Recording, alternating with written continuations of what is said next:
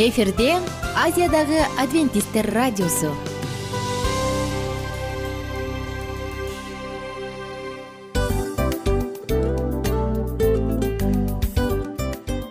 Достор салют. Баардык сүйүктүү угармандарыбызга салам айтабыз. Кутман күнүңүздөр менен.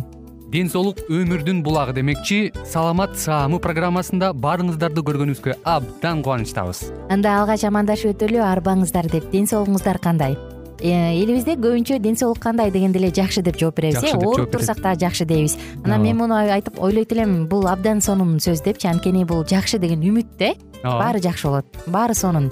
Деп үмүттөнүп атып эле өзүбүздү өзүбүз дарылап коебуз. Анысы кандай сиздин дагы ден соолугуңуз жакшы беш деген үмүттөбүз чындыгында ден соолук бул өмүрдүн булагы деп бекеринен айтылган эмес деп ойлойм. Кыргыз элинде анткени эгерде ден соолук жок болсо анда адамдын жашоосунда калган баардык керектүү маңыздуу нерселер өзүнүн баалуулугун жоготуп коет. Ошондуктан ден соолук бул эң керектүү нерсе. Ооба туура айтасың кесиптешим чынында ден соолугуң жок бир эки үч күн ооруп калсаң эле кандай болуп калат? Жашоодо көз каранды болуп каласың көп нерсеге жетишпей каласың көп нерсени кыла албай каласың жада калса эшикке дүкөнгө да чыга албай каласың. Туптуура анан ден соолук болсо демек биз биздин бактыбыз тоодой деп койсок болот. Анда достор саламат рубрикабызды баштайлы. Алдыда өзүңүзгө керектүү болгон сонун кеңештерди уга аласыздар. Мына ошондуктан биз менен бирге болуңуздар. Ал эми биз болсо милан жана айнура. Кеттик алга. Алга саламат саама ден соолуктун жарчысы. Саламат саама ден соолуктун ачкычы. Күн сайын сиз үчүн мыкты кеңештер сонун жаңылыктар кызыктуу фактылар. Биздин рубрикада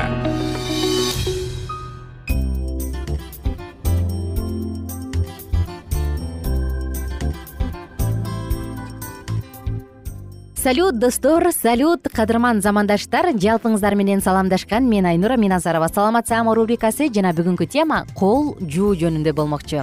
Бул программанын аталышын угуп. Күлгүңүз болуш керек эй айланайын. Ким эле колун жуубасын деп бирок чындыгында кол жууда биз эмнени айтып бергибиз келет? Бул канчалык деңгээлде маанилүү экендигин жана эмне үчүн керектигин? Достор кандай гана болбосун? Баягы карап туруп туруп анан колду карап туруп а бул менин денемдин бир бөлүгү маанилүү бөлүгү колум бул менин бетиме барабар ошондуктан колумду карап туруп адамдар кайсы жерде иштейм эмне менен алек болом өзүмө канчалык көңүл бурам баарын билип коет дейбиз дагы колго көбүрөөк кам көргөнгө аракет кылат эмеспизби. Мына ошондуктан бүгүнкү темабыз кол жуу.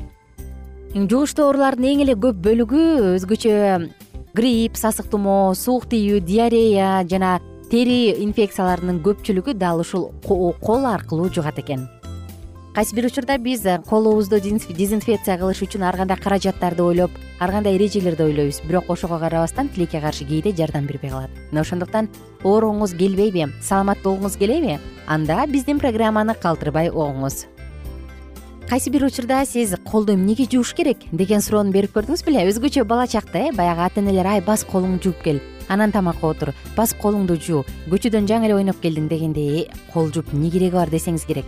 Анткени биз кирдеген колдорубуз менен оозубузду көзүбүздү мурдубузду денебиздин башка бөлүктөрүн кармайбыз дагы микроб вирустардын баардыгын тең инфекциялардын баардыгын чакырат экенбиз. Мына ошондуктан чын эле ата энебиз туура айтчу баардык жугуштуу оорулардын сексен пайызы кол аркылуу жугат. Мына ошондуктан кичинекей балдар бизди угуп атсаңыздар колду көбүрөөк жууңуз. Ал эми колун тез тез жууп турган балдар чындыгында азыраак оорушат экен. Эми колду жууш керек жууш керек деп атабыз кайсы учурда жууш керек? Колду дайыма. Тамак жасаардын алдында азык түлүктөрдү кармалап жатканда тамактанаар алдында же бирөөнүн жаракатын тазалап баягы жардам берерде же бир жерди кесип алганда сөзсүз түрдө колду жууш керек. Ошондой эле достор даратканага барып келдиңизби? Жөтөлдүңүзбү чүчкүрдүңүзбү чимкирип келдиңизби? Балаңыздын памперсин алмаштырдыңызбы? Балаңыздын мурдун сүрттүңүзбү этти тийдиңизби чийки же жумуртканы кармадыңызбы? Үйдөгү баягы мышык күчүк деген үй жаныбарлары бар эмеспи дал ушул питомцаларды кармадыңызбы? Же жөн гана кандайдыр бир азыкты кармадыңызбы таштандыны чыгардыңызбы? Оорулуу адамга кам көрүп атасызбы көп адамдардын арасында болдуңузбу? Транспорттасызбы коомдук? Же эл аралык ар кандай мероприятиялардасызбы? Мына ушулардын баардыгына барып келгенден кийин сөзсүз колду жууңуз кийинки суроо колду кантип туура жууш керек? Анда эмесе угуңуз дагы эстеп калыңыз. Колду алгач суулап жылуу же муздак же бөлмө температурасындагы. Андан кийин самындаш керек. Самындагандан кийин колдон келишинче баягы самынды алаканды бири бирине сүртүп манжалар арасына киргизип манжаларды бири бирине сүртүп аябай жууп жок дегенде он секунд жууш керек. Бул минимум.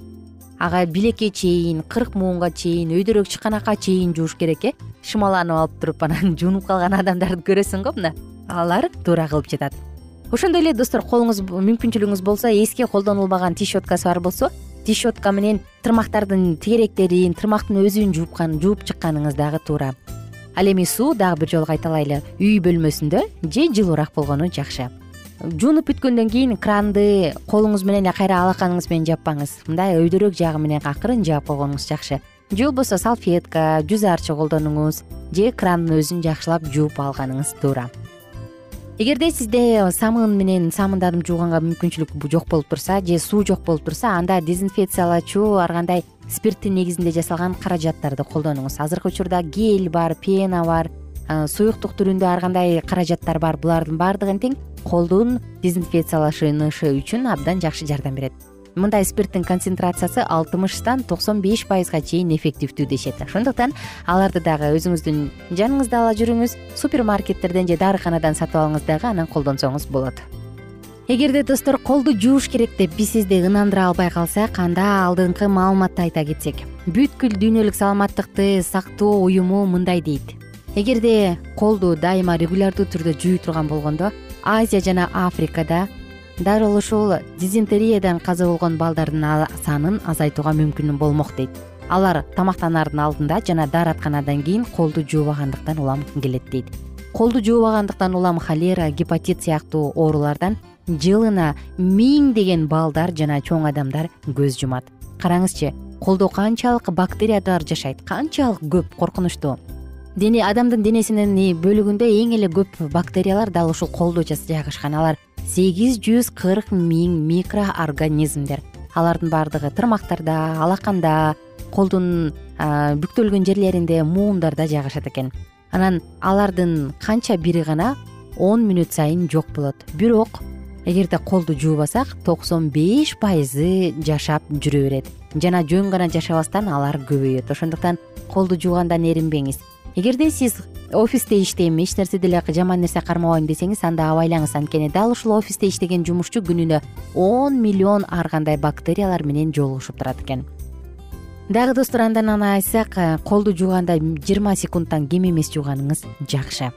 Дагы да достор акча кадимки эле биз жакшы көргөн телефон жана эшиктердин ручкаларында эң эле көп бактериялар микробдор жайгашат. Булардын баардыгы демек эмнени айтат акча кармадыңызбы купюра монеталарды өзгөчө. Акча кармадыңызбы? Анда сөзсүз кол жууңуз кайсы бир изилдөөнүн негизинде акча кармагандан кийин чоң адамдардын жыйырма жети пайызы гана колду жуйт деп айтышкан калгандары жуубайт экен ошондуктан. Акчаны канчалык жакшы көрбөйлү көзүбүзгө канча жакшы көрүнбөсүн бирок анда толгон толтура микробдор бар. Анткени ал колдон колго өтөт ар кайсы жерде жүрөт жана ар кандай учурда колдонулуп келет колду эшиктин ручкасын кармадыңызбы? Кол жууганды унутпаңыз. Телефонуңузду кармадыңызбы? Кол менен колду жууганды унутпаңыз. Дааратканага бардыңызбы? Колду жууганды унутпаңыз. Анткени дал ушул кол жуу аркылуу колдогу бактерияларды биз өлтүрө алабыз. Кымбаттуу досум бүгүнкү уктуруу сизге абдан пайдалуу болду деп ишенем. Балким сиз өзүңүз же балаңызга уктуруп угузуп мына балам көрдүңбү колду эмне үчүн жууш керек? деп туруп анан ага далил катары көрсөтсөңүз болот биздин каалоорубуз сиздин саламаттыгыңыз оорубаңыздар. Ден соолугуңуздар бекем болсун жана кайрадан амандашканча сак саламатта туруңуздар. Саламат саама ден соолуктун жарчысы. Саламат саама ден соолуктун ачкычы. Күн сайын сиз үчүн мыкты кеңештер сонун жаңылыктар кызыктуу фактылар биздин рубрикада. Салют замандаштар баарыңыздарга ысык салам дил маек программабызга кош келиңиздер. Дил маек рубрикасы дегенде эле бул эмне болгон дил маек? Ким менен маектешебиз деп сурайт болуш керек угармандарыбыз бул рубриканы кыскача тааныштыра кете турган болсок ар тарап кесип ээлеринен болгон сонун интервью кеңештер бар. Ооба. Жылдыздар менен болгон маек бар. Аталарыбыздын агаларыбыздын чоң аталарыбыздан сонун кеңештер бар. Ошондой эле эже сиңдилердин кеңештери бар айтор. Баардык кызыктардын баары алдыда. Негизи эле адам баласы бир кимдир бирөөнө ишенип сырын ачкысы келет эмеспи э? Мындай баарлашууга жакын келебиз го. Албетте.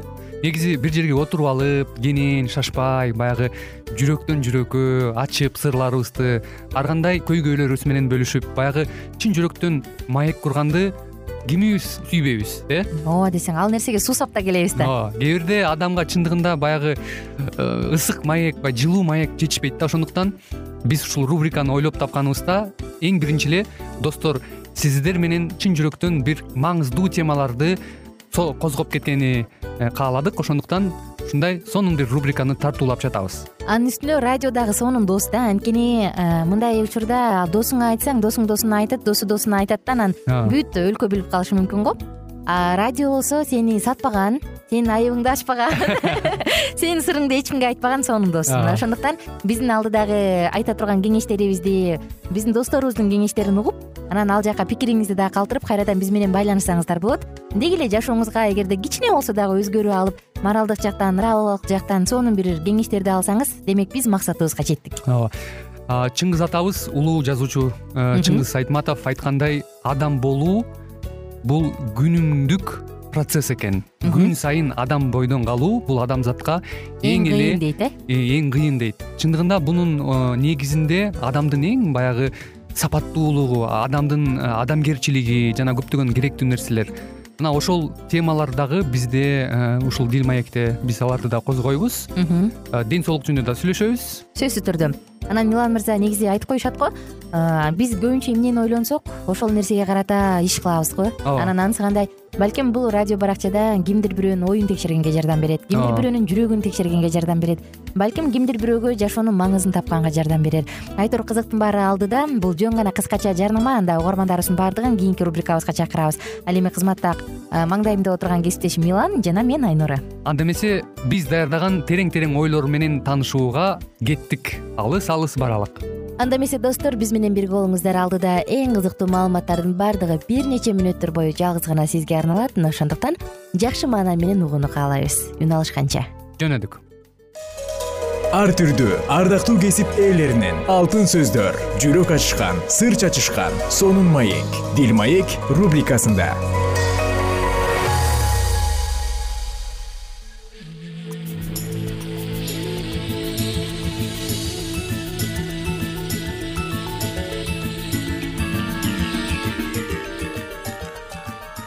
кутмандуу күнүңүздөр менен кадырман радио угармандарыбыз кайрадан эле сиздердин назарыңыздарда бактылуу никенин баалуу эрежелери аттуу программабызда кездешип жатканыбызга өтө кубанычтабыз.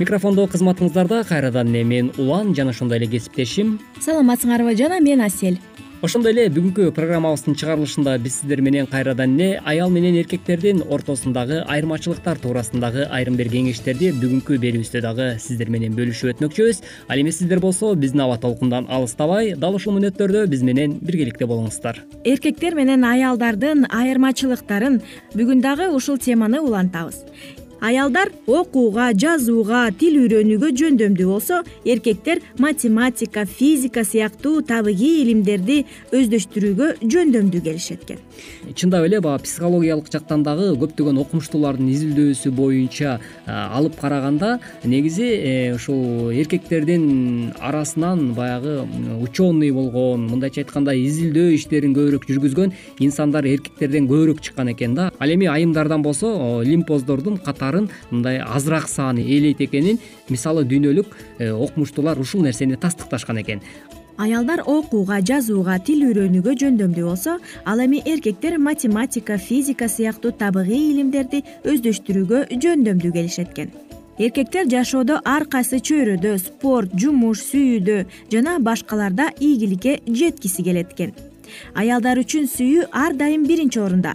Аялдар эркектерге салыштырмалуу эмоционалдуу келишкендиктен суицидке аларга караганда он эсе көп барышат экен эркектер көрүү аркылуу жакшы кабыл алса аялдар сөз аркылуу жакшы кабыл алышат экен.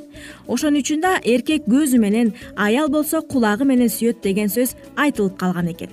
Чындап эле ушундай эмеспи урматтуу айымдар жана мырзалар. Андыктан э, кеттик алдын көздөй сапарыбызды улантабыз. Алдыда дагы кандай кеңештер бар болду экен? Сиз үчүн дагы биз үчүн дагы абдан кызыктуу. Демек биздин ободон эч кайда алыстабаңыз аялдардын эс тутуму эркектердикине караганда бир топ жакшы. Эркек бир нерсени бүт бойдон кабыл алса аял майда баратына чейин көңүл бурат экен аялдар эркектерге караганда кыялкеч келишет экен жана дагы аялдар бир эле убакта көп суроо берүүнү жактырышса ал эми эркектер жооп алууну жактырышат экен чындап эле эркектер көп учурда биз э, бир нерсени айта бергендин ордуна баягы анын э, акыры кандай болот кандайдыр бир э, убадаларды берген болсо ошол убада качан бышат болду экен деп биз мырзалар э, качан мага жообун айтат деп көп учурда биз мырзалар күтөт экенбиз. Ал эми айымдар болсо жоопту күтпөстөн эле кээ бир учурда шашкалактап башка бир нерселерге алактуу болуп кетишет экен эркектер аялдарга караганда өзүмчүл болушат дешет. Бул алардын дайыма камкордукта жүргөндүгүнө байланыштуу. Алгач апасынын эжесинин андан кийин аялынын кам көрүүсүндө ошондуктан эркектер дайыма көңүл бурууну талап кылышат экен. Аялдар маалыматты кунт коюп көп убакыт уга алышат экен. Ал эми эркектер болсо аялдарды он он беш секунд гана угушуп сөздөрдүн аягына чыкпай дароо жооп беришет экен чындап эле адатта көп учурда мисалы э, мырзалар айымдар көпчүлүк ээлеген бөлүктө ошо айымдар менен кошо отуруп кала турган болсо алар сөздөн сөз чыгып отуруп бири бири менен баарлашууда эркектер ал жерде көбүрөөк отура албайт экен. Башкача айтканда алардын ар кандай кептерине кулак төшөп отурууга эркектин даремети жетпейт экен. Башкача айтканда ал э, чыдабай да кетет экен. Ошондуктан эркектер көп сөйлөгөн жерден көбүрөөк баягы э, качканга аракет кылышат экен ошондуктан айымдар эркектерге сүйлөгөндө он он беш секунд гана убактыңыз бар экен. Андыктан көп нерсени сүйлөбөй эле ток этер жерин айтсаңыз эң сонун болот экен.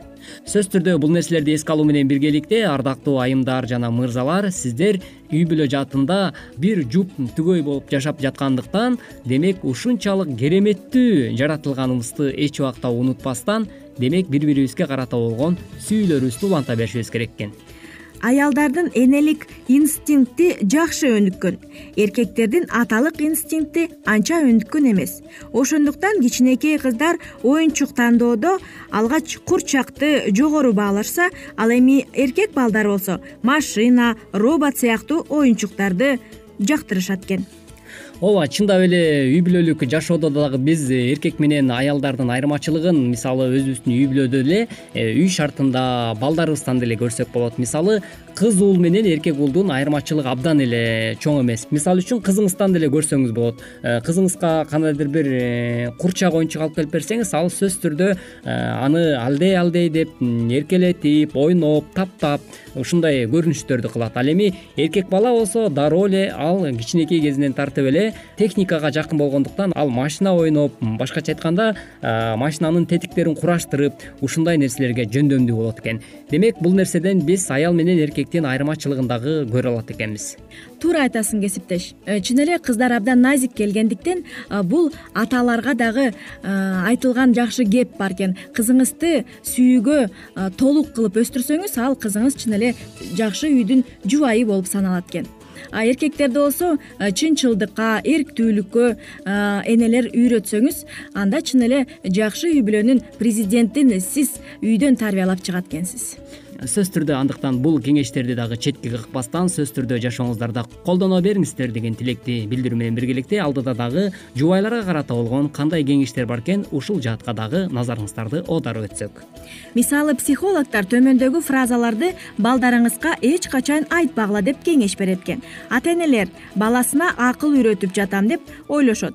Бирок балдар биз айткан сөздөрдү таптакыр башкача кабыл алышат экен.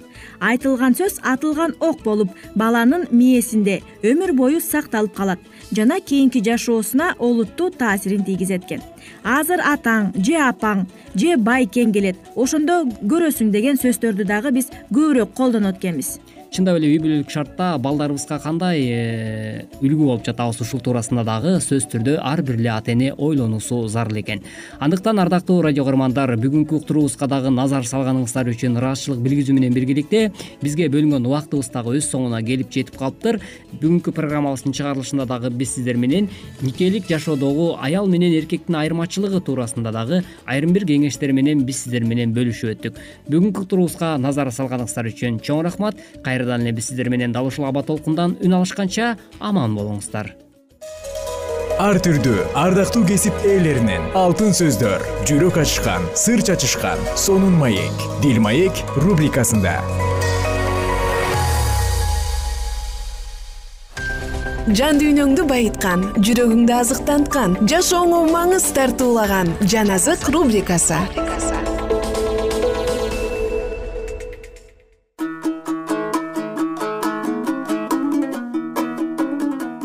амансызбы бурадарым? Саламатсызбы кадырлуу угарман. Кайрадан сиздер менен жан азык рубрикасында эң сонун куткарылуу тарыхы деп аталган китебибизди окууну улантабыз. Биз менен бирге болуңуздар. Жана сиздерге алдыда эң сонун мааны каалайм дагы бир үрөйдү учура турган апаатты кудай египет жерине жиберди. Бул баштагы апааттардын арасынан эң эле оору болуп саналат. Муса пайгамбардын акыркы өтүнүчүнө бир гана фараон жана бутпарас дин кызматчылар гана каршылык көргөзүшкөн. Египеттин эли болсо ысрайыл уулдары мамлекеттен чыгып кетүүсүн каалап турушту. Муса пайгамбар акыры апааттын кандай боло тургандыгын египеттиктерге дагы жана ысрайыл уулдарына дагы эскертип айтат. Бул түн египеттиктер үчүн үрөйдү учураарлык түн болуп ал эми кудайдын эли үчүн пасах куткарылуу майрамынын салтанаттуу эрежелерин коюу түнү болуп калды. Египеттин бутпарастар элине жана алардын текебер фараонуна асман кудайынын талаптарына моюн сунуу өтө кыйын болгон. Апааттар биринин артынан бири египет жерине жаап турду жана фараон өз жерине келип турган кудайдын жазаларына баш ийүүгө аргасыз болот. Ар бир жиберилген апаат мурункусуна салыштырмалуу коркунучтуу жана каардуу болуп турду. Текебер падышанын кыжыры кайнап жүрөгү жумшарган жок. Египеттиктер ысрайылдыктардын бул түнгө өзгөчө даярданышып курмандык чалгандарын жана курмандыктын каны менен өз үйлөрүнүн эшиктеринин жана терезелеринин капшыттарын майлап жатышкандарын көрүп мыйыгынан күлүп шылдыңдашкан. Ысрайыл уулдары кудай аларга кандай буйруган болсо так ошондой аткарышты жана жан алгыч периште египеттиктердин бир үйүнөн экинчисине өтүп жатканда алар сапарга даярданышып өз беттегенин бербеген падыша акыры аларды кое бере тургандыгын күтүшкөн. Түн ортосунда теңир египет жериндеги бардык тун балдарды тактысында отурган фараондун тун баласынан баштап зынданда жаткан туткундун тун баласына чейин жана бардык малдын төл башыларын жок кылды. Жана түн ичинде фараон өзү бүт кулдары бүт египет ордунан түрбөп турду да египет жерин улуп уңшуган ый басты. Анткени өлүк чыкпаган үй болгон жок. Жана фараон муса пайгамбар менен ааронду түн ичинде чакырып айтты.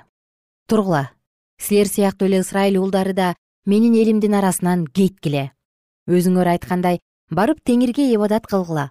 Жана өзүңөр айткандай майда жандыктар менен ири малыңарды ала баргыла да мага да ак батаңарды бергиле. Жана египеттиктер элди ал жерден тезирээк чыгууга мажбур кылышты себеби антпесек баарыбыз кырылып өлөбүз дешти. Анан эл камыры ачы электе ачыткы челеги менен көтөрүп алып жөнөтүштү көмөч дандары кийимдерине оролуп ийиндерине салынды ысрайыл уулдары муса пайгамбар айткандай кылышты. Египеттиктер күмүш буюмдар менен алтын буюмдарды жана кийимдерди сурашты. Теңир болсо египеттиктердин көзүнчө өз элине ырайым кылды. Жана алар сураганын берип жатышты. Ошентип көп нерселерди египеттиктерден олжолоп алышты. Бул боло турган ишти кудай ыбрайым пайгамбарга төрт жүз жыл мурда ачып берген. Жана ыбрайымга теңир айтты билип ал сенин укумуң тукумуң өз жериңде эмес бөтөн жерде келгин эл болот. Жана аларды кул кылып төрт жүз жыл эзишет. Бирок аларды кул кылган элдин үстүнөн мен өкүм жүргүзөм. Ошондон кийин алар эң көп мүлк менен чыгышат. Биринчи муса китеби он бешинчи бап он үчүнчү он төртүнчү аяттар. Жана алар менен бирге көп сандаган ар кайсы уруунун адамдары. Майда жана ири малдар чоң чоң үйрү тобу менен чыкты. Ысрайыл уулдары египеттен фараонго таандык болбогон көп сандаган мүлк менен чыгышкан. Жакып пайгамбар жана анын балдары египетке өзүнүн көп сандаган малы менен келишкен жана алар буларга өз мүлктөрүн эч качан сатышкан эмес. Ал жерде ысрайылдын муундары эбегейсиз көбөйүштү жана алардын жандыктары жана бодо малдары дагы абдан көбөйгөн кудай египеттиктерге апаат жиберип алардын үстүнөн өкүм чыгарды. Мына ошондуктан египеттиктер өз буюңуңар менен тезирээк египеттен чыккыла дешип аларды шаштырышкан. Оттуу мамык. Жана ысрайыл уулдору саховдон чыгышып чөлдүн четиндеги ефамга келип токтошту теңир болсо алардын алдында күндүз булут мамык ичинде аларга жол көргөзүп ал эми түн ичинде от мамык ичинде. Алар түндө дагы күндүз дагы жүрүшө ала тургандай болуп жүргөн. Элдин көз алдынан күндүз булут мамык түндө болсо от мамык кеткен жок. Кудай өз элин египет жеринен кулдуктан бошоткондон бир нече күн өткөндөн кийин фараондун төрөлөрү фараонго келишип ысрайыл эли биротолок ачып кетишти. Эми алар эч качан кайра келишип аларга кул болбой тургандыгын айтышат. Жана алар ушундай жумушчуларды колдон чыгарып жиберишкендерине капаланышты. Анткени мындай жумушту күчтөн айрылуу бул чоң чоң жогот эле. Египеттиктер кудайдын өкүм жазасына кабылгандыгына карабастан алардын жүрөгү дайыма эле тирүү кудайга каршы тургандыктан катуулана берди. Жана алар ысрайыл уулдарынын артынан сая түшүшүп аларды кайра египетке алып келүү туура деген чечим кабыл алышат фараон өзү менен кошо алты жүз согуш арабасын өтө көп аскерин алып еврейлердин артынан кууп жөнөйт. Жана ысрайыл уулдары деңиздин жанында өз чатырларын тигип эс алышып турганда аларга кууп жетишет. Фараон жакындаганда ысрайыл уулдары кайрыла калышты да аларга египеттиктер келе жатышканын көрүп аябай коркуп ысрайыл уулдары теңирге зарлап жиберишти жана мусага айтышты. Эмне египетте көрүстөн жок беле. Сен бизди чөлгө өлтүргөнү алып келдиң беле. Бизди египеттен алып чыгып кылаарың ушул беле.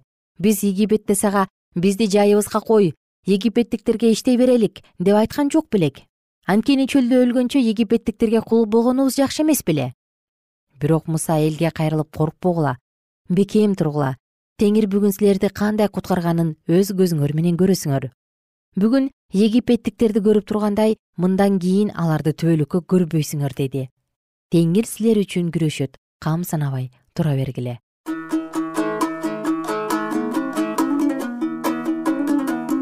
Уктуруубузду кийинкиде улантабыз. Достор биз менен бирге болуңуздар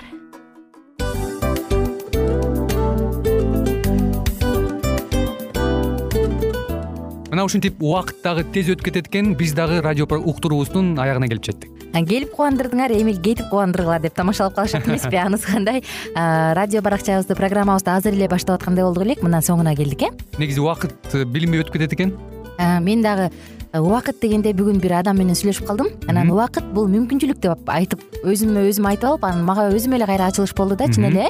Э, карап отурсаң ошол эле жыйырма төрт саат ошол эле жарым саат кайталанып атат бирок сендеги мүмкүнчүлүк жок ошол кой берилип кетти? Анысы кандай? Бүгүнкү сонун убактыңызды алтындай болгон жарым саатыңызды бизге бөлүп арнаганыңыз үчүн ыраазычылык айтабыз анан жашооңуздун кайсы бир сферасын өзгөртө турган сонун пайдалуу кеңеш алган болсоңуз анда биз максатыбызга жеттик. Анан ушул нерсени кылбасам десеңиз ошол өзгөрүүлөрдү кичинекей кадамдардан баштап иш жүзүнө ашырыңыз дагы жашооңузда чоң чоң ийгиликтерге жетиңиздер.